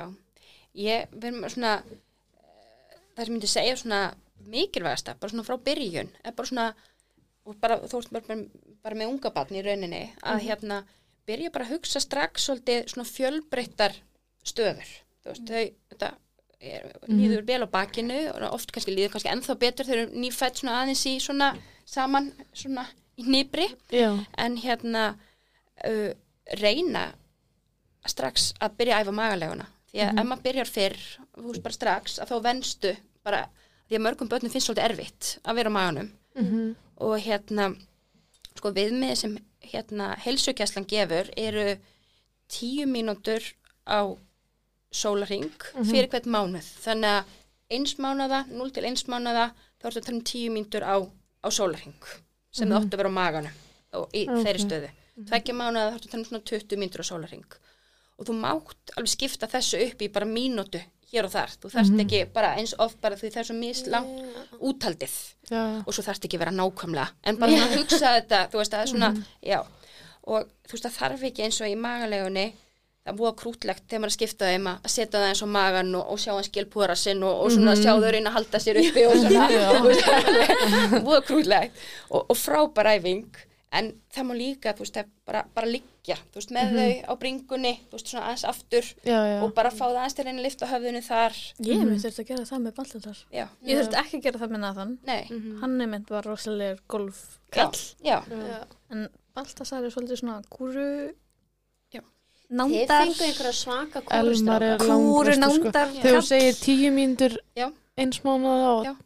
ég var meira að vinna með tíu sekundur eins mánuða, Já. 20 sekundur tveggja mánuða. Já, en þá kannski að þú hefði á 20 sekundum 5 sinnum yfir daginn, Já, já. þú kom næst lengra. Nei, þetta er bara þetta, en, en svo eru sum börn Mhm. sem eru bara, eru ósáttari á magan, þetta er önnur, sum bara ekkert mál. Þau Já. fara á magan, þeim bara, þú veist, pínu erfitt, en bara eru ótrúlega fljóta að byggja upp styrk og, og, og þól þar. Já, það var, svo, líka bara mismjöndi þú veist eins og Baltasar fættist og Nathan reyndar og þeir bara strax upp með hausin þeir voru settu hausin upp sko bara aldrei. leið og þeir kom út. þeir komu ég maður sér- og þeir voru báðir hérna. Já, já, með ógeðslega jiggle head af því að náttúrulega hausin er ógeðslega þungur og voru þar bara og Já. ljósutnarnir mitt voru bara wow. En svo er þeir með, með Elmar. Hvað var mikill munur á þeim? Já, hvað kölluðu það er, alltaf smjörlíki. Já, svo eru, maður fæðist með svona mismunandi sem er svona, kallast tónus í líkamannum þú veist, bara svona um, svona grunn spennu í þannig. Og þú veist, þetta er svona, svona lína og þú veist, hérna er svona eitthvað svona miðja sem er bara svona já, svona, segja meðal já. svo eru sömur sem eru bara með svolítið meiri spennu mm aðrir og eru bara strax frá fæðingu þeir eru bara sterkari og stífari og, og spertari og svo getur þú farið í það að vera með allt og mikla vöðvaspennu og þá ertu komin í sko svona, þannig sé sjúklegt ástand í vöðvanum. Þá ertu komin með, þú veist, vera spastísku til dæmis. Og hérna, en svo ertu líka með niður og hér, það er fullt af börnum sem eru bara með pínu lága vöðvaspennu Já, og, er þá ertu setni að fara, þá er erfið að ná styrkjum á maganum og þú ert setni kannski að fara að sitja og skrýða og ganga. Þú veist það er svona yfirleitt helst í hendur. Og þú með lága vöðva spennu þá er svona min- minni svona grunn styrkur í vöðvanuðinum og þú ert að hafa meira fyrir því að byggja upp styrkin Þá veitum við það. Ég held samt sko að En, svona, já. að því að minn er ekkit seit, allavega hinga til hefur hann ekki verið setn af neina þessu skilur Nei, Nei. bara alls ekki, En- sko. Nei. Ég Bara held þetta þá að báðir ykkar skilur séu frekar aðeins yfir Já, Já. ég Já. hugsa það. Já, svo maður einmitt passa sig að með ekki alltaf þannig Já, Já. já. En við hefum alltaf talað um bara hvað þeir eru allir ógislega mismunandi Mhm. og við hefum alltaf verið bara, það er alltaf bara allt í lagi. Já. Já. Al, það er bara þannig, svo lýst á það að vera bara fjölbreytnin. En svo, þessi Elmar fór að geta verið miklu lengur á maganum. Mm. hann getur það. Og hann er farin að lifta sér alveg hátt upp en það kom ekki fyrir hann fór að sitja sko. Hann svona, hann vildi styrkjast í annari stöðu sko. Já. Já. í mitt. Þannig að, og, og það kemur oft svona, þú veist, helst í hendur þú veist, og, og þegar maður fer að sitja mhm, og, og hann er kannski líklar í staðan fyrir að fara bara stað á maganum og hann kannski gerir það en þú veist, þú fyrir að fara kannski úr settstöðinni já, já, það leiðbærum að fara niður á magan úr settstöðinni Já. og svo að setjast aftur upp já, já, og leið og kemst í og stöðu sem þetta snýst sko það snýst svo mikið um bara þessi, þessi reyfifærni mm Mhm. það geta velt sér bæ, baki bak frá bak, yfir á maga og öfugt, Mhm. geta komist á stað á maganum, geta sest upp frá maganum, upp í Mhm. sitjandi stöðu, Já. aftin á magan, veist, allar þessar reyfingar, þú veist, þannig að við erum hérna, við fáum hann oft börn til okkar sem erum orðin, duglega að sitja, Já, já, en þau sitja bara, já, þú veist, þau bara, þú veist, þau einhvern veginn, þau eru ekki komin, þú veist, þau fara ekki, tegja sig ekki úr stöðunni, þau fara ekki niður og hérna, þannig að maður þarf að kenna, sumum þarf maður bara að kenna, bara, Já, þú getur lagst á magan úr sittstöðunni Mhm. og svo kemstu, getur sest aftur upp. Og hérna, og, Mm. og yfirleitt þeir eru komin á, á, á, á rassin og þá Mhm. fara þeir að taka þungu hendurnar og fara að prófa sig áfram upp á hnén og Já. það er svona eðlilega leiðin Akkurat. en þetta með svona örfun frá byrjun líka bara að og því minnst að hafa pínu dottu út líka að leifa börnum bara að liggja á hliðinni í smá stund þú veist að leika og svo tala við og svona þú veist þannig að sé bakið og það er mægin í smá stund og líka bara aðeins á hliðinni Ég hef aldrei dottið það í Nei, hug. því þá náðu Ég hef aldrei saman það. Nei. Sko, er mér finnst líka bara að vera búið að tala um að að mér er svo ofalega í samfélaginu núna þetta köpnunar hæ, mm, hættu Já. dæmi sko. Já. og það er einhvern veginn kom í kjölfari að ekki leggja barnið þetta á hliðina. Það er svo mikið líkur á það þetta rúli eitthvað á köpni og þarna, og þarna veist, fólk heyri þetta Mhm, og verður hrætt. En bara þú veist, í vakandi bara þú Já, veist, já. með barninu og akkurat. ert að spjalla við það og svona Mhm. að setja það eins á hérna á, á hliðina og svo sefur minn alltaf á hliðinni sko Já, nei, veistu það, Ágúst þegar líka. bara frá því að eldri strákur minn fættist, þá var einmitt sagt þetta við okkur, að hafa hann á bakinu, að því að, þú veist, ef hann myndi æla eða eitthvað, þá myndi að leka og Já. hann myndi ekki kapna, mm en svo, þú veist, þur, við, haf, ég leta hann alltaf vera á hliðinni, -hmm. þú veist, og svo, þú veist, hann sagði kannski þessa hlið, þessa nátt, hinni hlið, Já. næstu nátt, akkurat. Þú veist, svo var ég kannski að vakna með hann á nætunar og færði hann, þú veist, á nætunar mm og svo saði konan í ungbandinu bara að ég mætti alls ekki gera þetta. Og hann ætti sko að liggja á, nei, á Já. bakinu. Já, og ég bara en ef hann ælir þá kapnar hann í ælinu sinni. Hún bara nei ég bara jú, það er búið að gera það er ástæðakar ég er með batni á hliðinni Já. að því hann bara ældi og svo bara var allt fast og ég vaknaði bara við bara já. þetta er svo, já Ég er talandi um ælu, ég er nú með góða sögu að segja. ég sagði sjálfa, ég ætlaði að segja þetta í podcastinu. smá input hérna Já. Nei, sko, ég, ég reyndar bara eins og ég geri, var klukkan 2 um nótt að gera þvott. gera þvott það gerir enginn þvott nema að víti Þetta ekki, sko. Greinilega, ég var að komast að því áðan að seg, segir enginn gera áðan, ég er búin að segja þetta mörgu sinum sko. Ég man aldrei eftir þessu skemmti sem þú segir. Alexander er búin að segja þetta við þið frá því við kynntumst þér sko ég minnst það mjög fallegt nýjörði ég hef aldrei ekki? þetta, jú. Gera þvott. Nákvæmlega, nýr því bæði Já. þessu. ég held sko fyrst, fyrstu mánuðina þegar ég þagði yfir þessu þá var ég bara eitthvað, æ, ég kem að norðan. Ég er ekki takt að rífast við þetta reykjavík þetta er bara eitthvað sem nota hér þetta er bara eitthvað sem ég nota hér svo spurði ég Jóhann því ég heyrði hann aldrei segja þetta bara segir fólk bara að gera þótt Jóhann bara, nei, ég var ymmið að pæli því. Ég er bara verið að tala um hann hérna. þá fór ég strax með þetta í því sko bara, heyrðu, heyrðu, það gerir enginn þótt nema þú sko maður gerir mismundi hluti þegar maður er að gera þótt ok, þú varst að flokka skítugföt Já. um miðjanótt.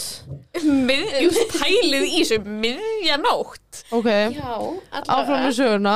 Og hérna, Ágúst var vaknaði eins og hann er byrjað að gera Alltaf, alltaf hreint. Og svo er á kækja hann pela. Og ég, ég er nú aðeins trjóskar með það Þannig ég sagði að hann getur bara hundskast til að gera það þá. Já, þú tekur það ekki í mál. Nei, en þarna, já, og svo segi allt inn heyri ég bara Vigdís! Og þá hefur Ágúst gubbað yfir sjálfa, allt andlitað á sjálfa og sjálfan sig og upp í hann. Ég hef sjaldan hlegið jafn mikið. Rúmlega tvö um nótt. Við fengum eitthvað myndband að þessu. Sölvega fyrsta sem Vigdís gerði var bara að byrja að taka upp. Veitum að þeirra Já, Já. ég byrjaði á því að fara að skipta um á rúmunu og þurrka af ágústi og svo fór Sölvi styrstu aftur og ég skipti um á rúmunu og atna, á meðan ég var að skipta um á rúmunu þá gæti ég ekki hægt að hlæja og ég þurfti bara að senda um vídeo Hún var bara, oh my god!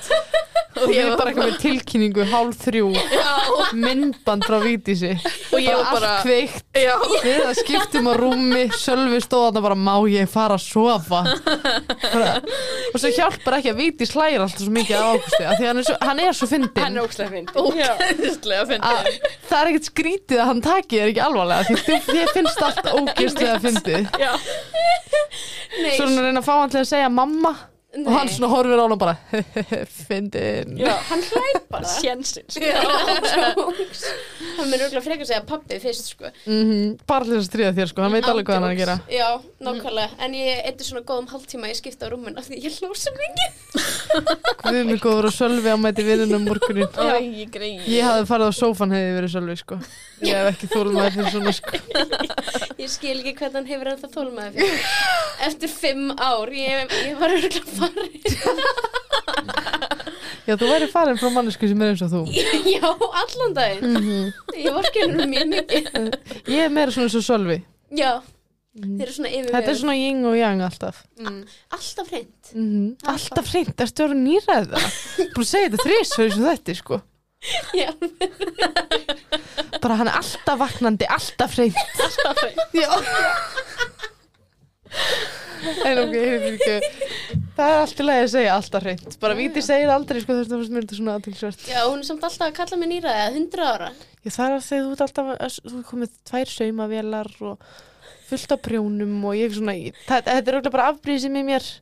Peysu að sem ég- er í núna prjónaði ég sjálf sko. Af því að ég get ekki prjónað og saumað. Að þá er ég bara svona að finna útrásina með því að Já. Skellin á þig Ég meina að þú fannst upp að ég ætti að fara að smíða rúm og mér var alveg að þegar ég sagði þau sjálfa að ég ætla að fara að smíða rúm. Klukkan tvö eða? Nei, svo er hún víti er þar Svo nefnilega. er víti svona, leiðinni dettur eitthvað í hug Sko ég held að ég væri slæm Leiðinni dettur eitthvað í hug, þá þarf, það bara að fara að gerast Já.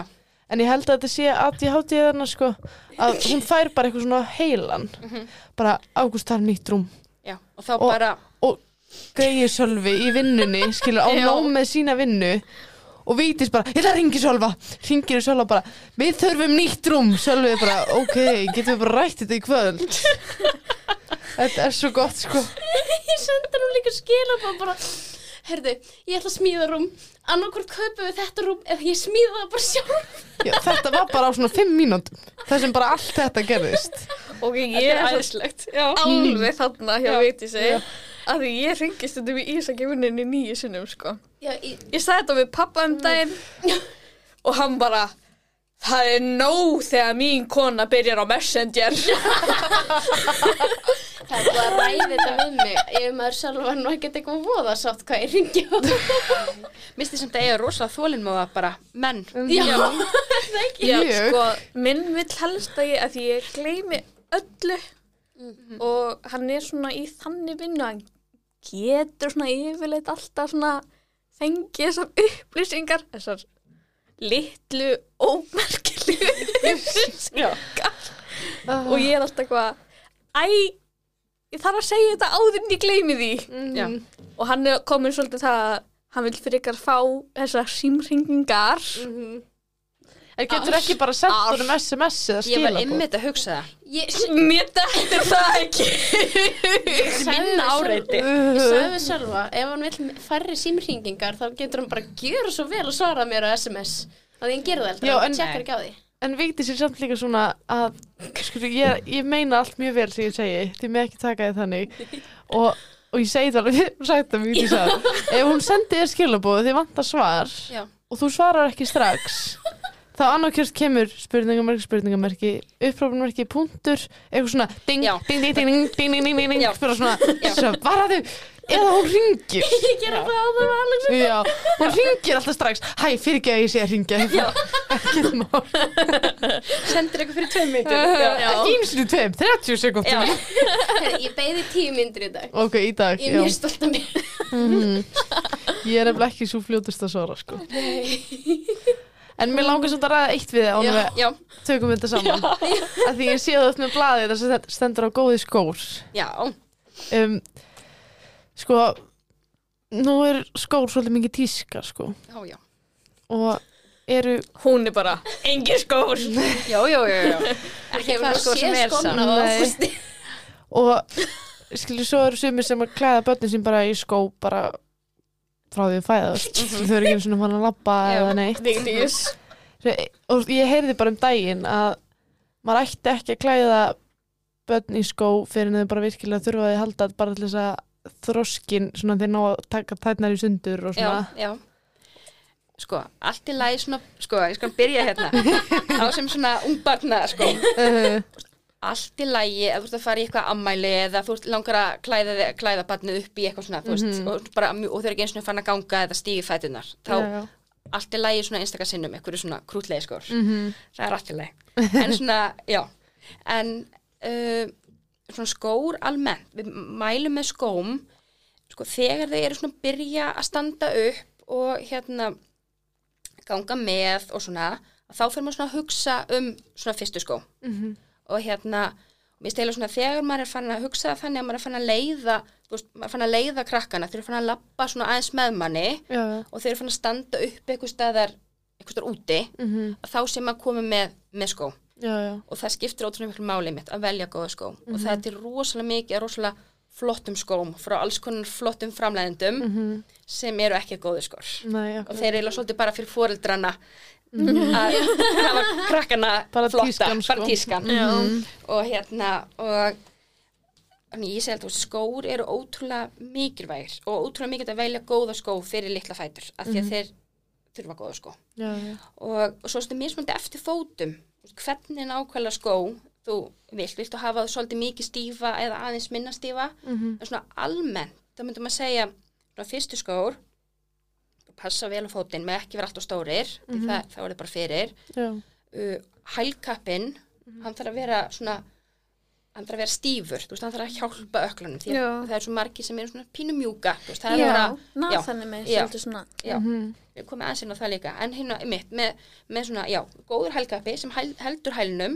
á góðum stað og bara passar vel á fótinn. Og það er alveg gott fyrir þau sem eru mjög svona, já, lin að sé smá stuðningur undir ylinni sömi skór eru alveg flatir, svona Já, já. barnaskór en það er alveg gott fyrir söma að sé aðeins mótaður stuðningur undir ylinni og svona almennt með skó að þú getur svona aðeins hreift um tábreykið, það sé ekki alveg stífir. Já, þú ert ekki geta undið upp á þá. Þú Nei, veist þeir nei. ekki vera það linir. Uh þeir eiga að vera góður hælkappi helst smá stuðningur undir ylina Mhm. passa vel á fótinn það reyma þú vel á fótinn og hérna, og svona aðeins þú veist að sé, svona aðeins mjúkt undir tábreykið þú veist það er svona aðeins að begla undir. Já, og já, eins og sér þetta lifta tánum já, upp. já, Já. Já. þannig að sé svona aðeins aðeins að hreyfa þar.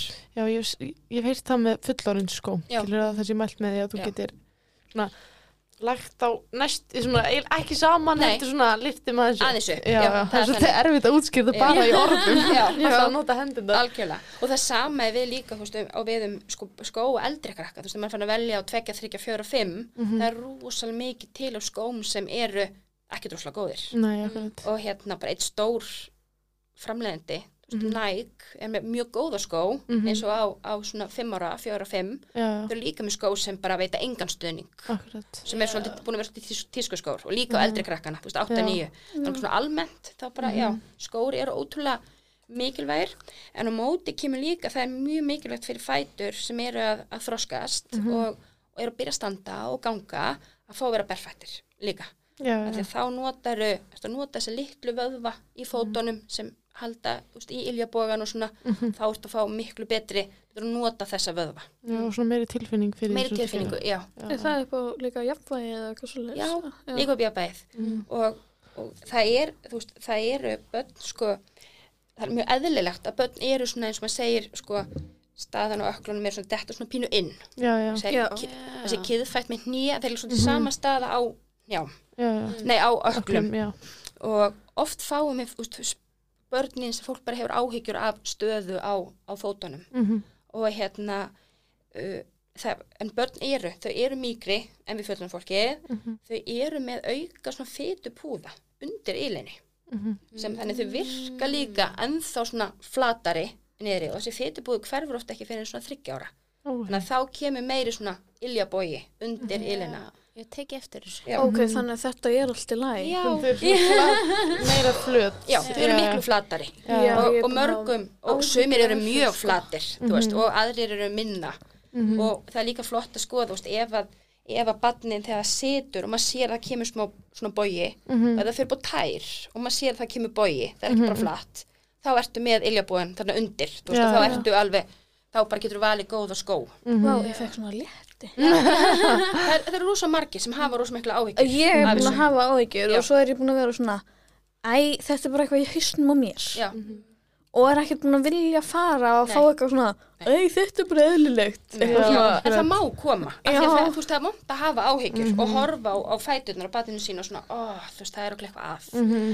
Já, Betra að fá svör heldur en að hafa þetta Já, höra. Ég já með- oft þarftu bara einn tíma Þú veist, þá er bara, nei, þetta er bara í góðu lagi og bara ráðleggingar, bara hvernig skó er gott að kaupa, ekki kaupa og, og hérna og, og börn að tveggjara aldrei uh, það er mjög sjaldan sett innlegg, það er ekki nema og nema sé sko, þú veist, að sé eitthvað kannski meira að, þú Já. veist, ef það er meiri aflögun á fótunum, Þú heldur en bara ferði svona ekkert með eðlileg svona lítið batn eitthvað í göngugreiningu. Nei, en það hefur alveg verið umræða og Já. ég sé það á samfélagsmiðlum og, og svona og, og umræða um að fá svona stífa bæklunarskó á börn og það var eitt læknir Mhm. sem er held ég að þetta eftirlaun sem var mjög duglegur að skrifa út svona stífa skó Já. með innleggjum fyrir börn sem, já, hefðu að mínu mati og mati annara lækna og svona ekki þurft Nei, já. yeah. þessa skó það er líka orðslega erfitt að vera í svona allt og stífum Mhm. skóm ef þú þess ekki Nei, akkurat. En varandi skona eins og ég, ég ágúst er alltaf berfættur heima. Ég kem heim til Alexandur og ég tekar strax sko. svo. Ég, þetta var alls ekki skot á því, sko. Nei, nei, ég bara, Ég fór Svona- bara að pæla. Já. En það sem að ég er líka búin að vera svona, skilja pæla með þessu skó, er að það sem ég hef séð í umræðin er það að tætnar fá ekki nógu mikið pláss, skilja, það séu kramdar saman Já, já. Já, ert þannig svona þessa litlu til dæmis Já. í skónum. Já. og bara mjög, að það er komin svona, ég er bara að sé það er svona Facebook-grúpa og allt, þetta eru Ok. svona skór sem eru bara svona, alveg bara svolítið mikið að ví, framan. já, Þetta víðir fyrir, er er um til þess að- já, barefoot öruglega, Er þá svona pláss fyrir hverja tá? já, skilja þannig að svona er sko- standir svona, Ég þarf ekki. vel að sína þér mynda Já, þessu því að hérna er einmitt Facebook. Þetta. um, Þetta eru sem sagt s- mjög þunnir skór Mm og þeir svona jarðtengja mann já. frænka mín er sko nei, frænka mín frænka sísak er bara, já hann að það er svona skó Já, Af því að maður heirt um svona skó fyrir fullorna. já, Mm. og Já. það er Já. til svona fyrir þeir börn eru líka komið Já. fyrir börn líka, sko. Ó. En ég, Mm, ég, ég held að þessu svolítið, mér skoðun á þessu en, en hérna, ég myndi segja fyrir bara berfættur og svo bara í venjulegum, góðum Já, útiskóm. já, Já. Og, akkurat. og fyrir svona linafættur sem að sér að, að, að hérna, og margir sem koma til mín, þú veist, eru pínu sein að að og hjálpa þeim að staða að ganga, að þá oft sko inniskor, þú veist, bara þeir eru svo léttir já, og hérna á móti því að vera berfættir kannski bera berfættur heima og vera sem inniskóf í, í leikskólanum Já, já, og sem styðja við og stundum fúst, sleppa þessi, loksins þeir eru komin í bara, já, skó Komin með sem smá stuðning, já. þá bara farið á stað. Mhm. Já, já. þannig að góðir inniskór má líka alveg hérna. Mm Ok. Já. Já, sorry, ég ætla ekki að stila þessar Nei, umræðu það er allt í góðu, sko. Við erum bara að ræða málinn, sko. Já, Já. nákvæmlega. og það er þetta sama, með hælkappan stífan, passi vel á fótinn Mhm. og hérna, já, Já, ég var aðalega bara að pæla því ég hef þetta nú mjög mikið í jafnvægi. Hann, hann er alltaf berfættur heima og heima hjá einmitt Alexander og Já. mm það eru aðalstaðarnir sem ég fyrr. en þannig að svo setja ég inn í skó bara rétt svo meðan við erum í bílnum Já. eða eitthvað svoleiðis. Er það það alltaf? er alltaf læg já. það er líka kallt að vera bara á þunnum sokkum ég Já, er ekkert alltaf eins og núna í kuldanum setja eitthvað hlýtt yfir Já. tásveita, eða teppi eða þú veist, eða sem er með ullasokka eða Já, eitthvað já, nákvæmlega. en það allt, bara, það hefur ekkert ef hann væri í svona skóm allan daginn þá ég- byrja Já, þá var hann örugglega búin að segja eitthvað. Nei, hann væri bara búin að rífa, rífa sig úr þeim sjálfur, sko. hann veit alveg hvernig þetta er óþægilegt. hann á þessa glanskó Adidas skona sína. Og það er bara mesta sporti núna er að rífa sig úr þeim og fara að naga. Já, Mhm. það er líka geggjaði mitt þessu Glansa. en er eitthvað sem þú vilt bæta við sem að við erum að gleyma eða? Bara búið ótrúlega skemmtilegt spjall, sko Er það ekki? jú, Serðu nokkuð eftir þessu? nei, ég voni sér búin að segja bara, já, ná að segja eitthvað viti já, ekki bara eitthvað vitlu Annars kemur bara aftur. Já, nákvæmlega. nei, það var bara virkilega skemmtilegt, sko Ok. Æ, hérna, það já þetta er búin ósvað fræðandi Já, Ertu með eitthvað svona, ertu á samfélagsmiðlum eitthvað? nei, jú, jú, ég bara, bara svona persónulega Bara á Facebook, já. sko Já, já. ekki einu sinni, við erum alltaf að tala um eins og æfingastöðin, sko Mhm. við þurfum að fara svona að nútíma með okkur og koma, þú veist, okkur við erum bara búin að gera svona einhverja tilraunir á Instagram og, og eitthvað svona en við þurfum að, þú veist, já. Það sé mjög góð hugmynd sko. Ég myndi allavega klárlega, klárlega að nýta mér að svona fylgjast með og fá fræðast. Já, Já. allan daginn. Og við höfum þú veist að komið svo mikið af flottu erlendu efni, þú veist, Já, ég, já. Jú, ég er á Instagram og fylgist þar og, fylg, fæ rosa mikið af svona fylgist með svona flottum vídjóum og hugmyndum og svona. Mhm. og það komið þú veist, rosa mikið flottu efni. Þú veist, ennsku efni, alls konar hugmyndir þú veist, af svona örfun, þú veist, ungra barna alls konar hugmynd, þú veist, ef barnið vill ekki, einmitt, líka maganum hugmyndir að æfingum til að reyna, þú veist, að fá þau á magan og hérna, og við erum svona við erum alltaf svona komin á stað og svo einhvern veginn er ekki alveg, svo bökkum við og svo erum við búin að taka upp eitthvað vídeo sem, jú, þú veist, ætlum held ég að, að sína Mhm. en svo þegar kannski þau eru tilbúin þá er bara svona, ah, við hefðum kannski átt að gera þetta einhvern veginn allt öðruvísi þú veist, þetta er einhvern veginn svona Þið er bara að fá ykkur með ykkur í þetta það er svolítið góður í svona, þessu sko. sko. Já, við nefnilega erum kannski ekki alveg nóg og líka bara, Ég það alltaf þessi tími, þessi hraði, nú, nú verður bara Ég mæti bara og læti ykkur setja þetta inn Já. bara, það Við er erum koma. ekki góð á Instagram sko. Ég er ágætt Þú ert alltaf að koma til Ég verði sko. Þetta er líka bara spurning með því ofugsa ekki hlutina, bara Nei, að akkurat. gera og Það bara, er bara svolítið sem við gerðum. Já. láta ykkur svona Já. fara á stað segja Já. ykkur hald, svona eins og ég gerði við þig já, svolítið svo les. Kottu bara Láttu bara það Og svo hvað hva er að versta sem gerist að þú setur eitthvað myndband sem er ekki nóg cool á Instagram Ekki neitt. Nákvæmlega Í Það horfa kannski Það 30 horfa- á það og læra því Það er málið, en og einhverju sem bara, ó, þetta er nú bara, þú veist, já, Mhm. já. Nei, það er að- rétt. Og svo bara hverfur þetta þannig í, þú veist, súpunni. Já. Þarna. Mhm. Mhm. ég, ég myndi algjörlega láta vaða sko Já, nákvæmlega Þannig að, já, þú vilt ekki bæta hennu við í viðbót Nei, Nei. þetta ekki. Er Ég mjög ætlaði gott reyndar að spjall, spyrja- sko. Já. Getur þú sagt mér einu sinni en hvar er að finna þína starfsemi? Á æfingastöðinni, háleitisbröð 13 Ok, og ef að einhverjir hafa áhyggjur af bara reyfingum og, og reyfithróska Mhm. mm sinna og, og bara líka bara ungmenna og hérna að þá er alltaf hægt að bara hafa samband. Og það er hægt að koma uh, það er hægt að koma í fimmskipti án beðinni og sjúkatringar borga ok og þú veist það er byggðlisti okkur Mhm. vantar ekkert það, það er ekki hérna Þú ert ekki að auðlýsa Ég er ekki að auðlýsa eftir bönnum, alls ekki, Uh-huh. en bara, þú veist, ekki hika ef að Nei. fólk hefur, hefur áhyggjur. Og stundum Akkurat. er það bara eitt skipti Mhm. og hérna, og bara ráðleggingar og bara, já, fá bara viðra það sem maður er að pæla og, og, og fá hérna, já, ráðleggingar á móti Mhm. og eitthvað sem það er ekki að hafa neinar áhyggjur af og stundum er það þjálfun og törn, Já. kannski, já. Það er lík, sérst, líka alveg bara, það er allt í góðu að fara bara einu sinni og fá leiðbynningar og svo er þetta bara búið. Ó, Það það þarf ekki að fara í sjúkrið til þess að mæta einu sinni viku í hálft ára. Alls ekki, og við erum rosa glöð líka þegar við hittum bara krakka Mhm. og fúrættara og getum gefið bara ráðleggingar einu sinni Mhm. og svo bara, já, Já, útskrifað. Það er líka geggjað, sko. Já, já. ok. Og við, okkur langar bara að minna á Instagram okkar. Já, ungar mömmur Ungar mömmur. Já, vera með það í dag Það, er við kennum alveg, það gengur ekki jafn vel með það og þen, þetta podcast, sko. Ég er búin að vera að setja inn sko. Reyndar. En uh, ég held að ég sé duglegast að, jú, Jóhanna, hún er mjög dugleg Hún setur alltaf vídeo sem sagt ég er ekki dugleg en nei, ég er það ekki af því að ég veit ekki, ég er ennþá eitthvað svona að ég er ennþá að díla við þetta svona það er ég er allum drull, þannig er ekki að hóla þetta. Já. að ég veit ekki, ég setja svolítið Bara endilega sendið á okkur ef þið viljið sjá eitthvað sérstakt Sérst, ef þið viljið sjá eitthvað á Instagram ef þið viljið heyra eitthvað í podcastinu sendið á okkur. Við bara, Og- að ég veit ekki, við, erum, við getum tekið öllu, við viljum Já. frekar heyra eitthvað svona, ok, ég nenni ekki að horfa á þetta, nenni ekki að hlusta á þetta. Mhm. og heldur en að við séum alltaf að pæli sko. Já, að, og ég er svolítið það? ég kemur þetta að láta þetta flakka. Og kannski horfa 30 áhverja maður gett góður í að gefa öðrum ráð já. en svo getur maður þetta ekki sjálfur sko. já, já, já. Heyru, bara takk í dag, takk hella fyrir að koma og fræða okkur. bara, takk fyrir að fá mig. Ha. og bara þángu til næst. Takk í dag. Bye, bye.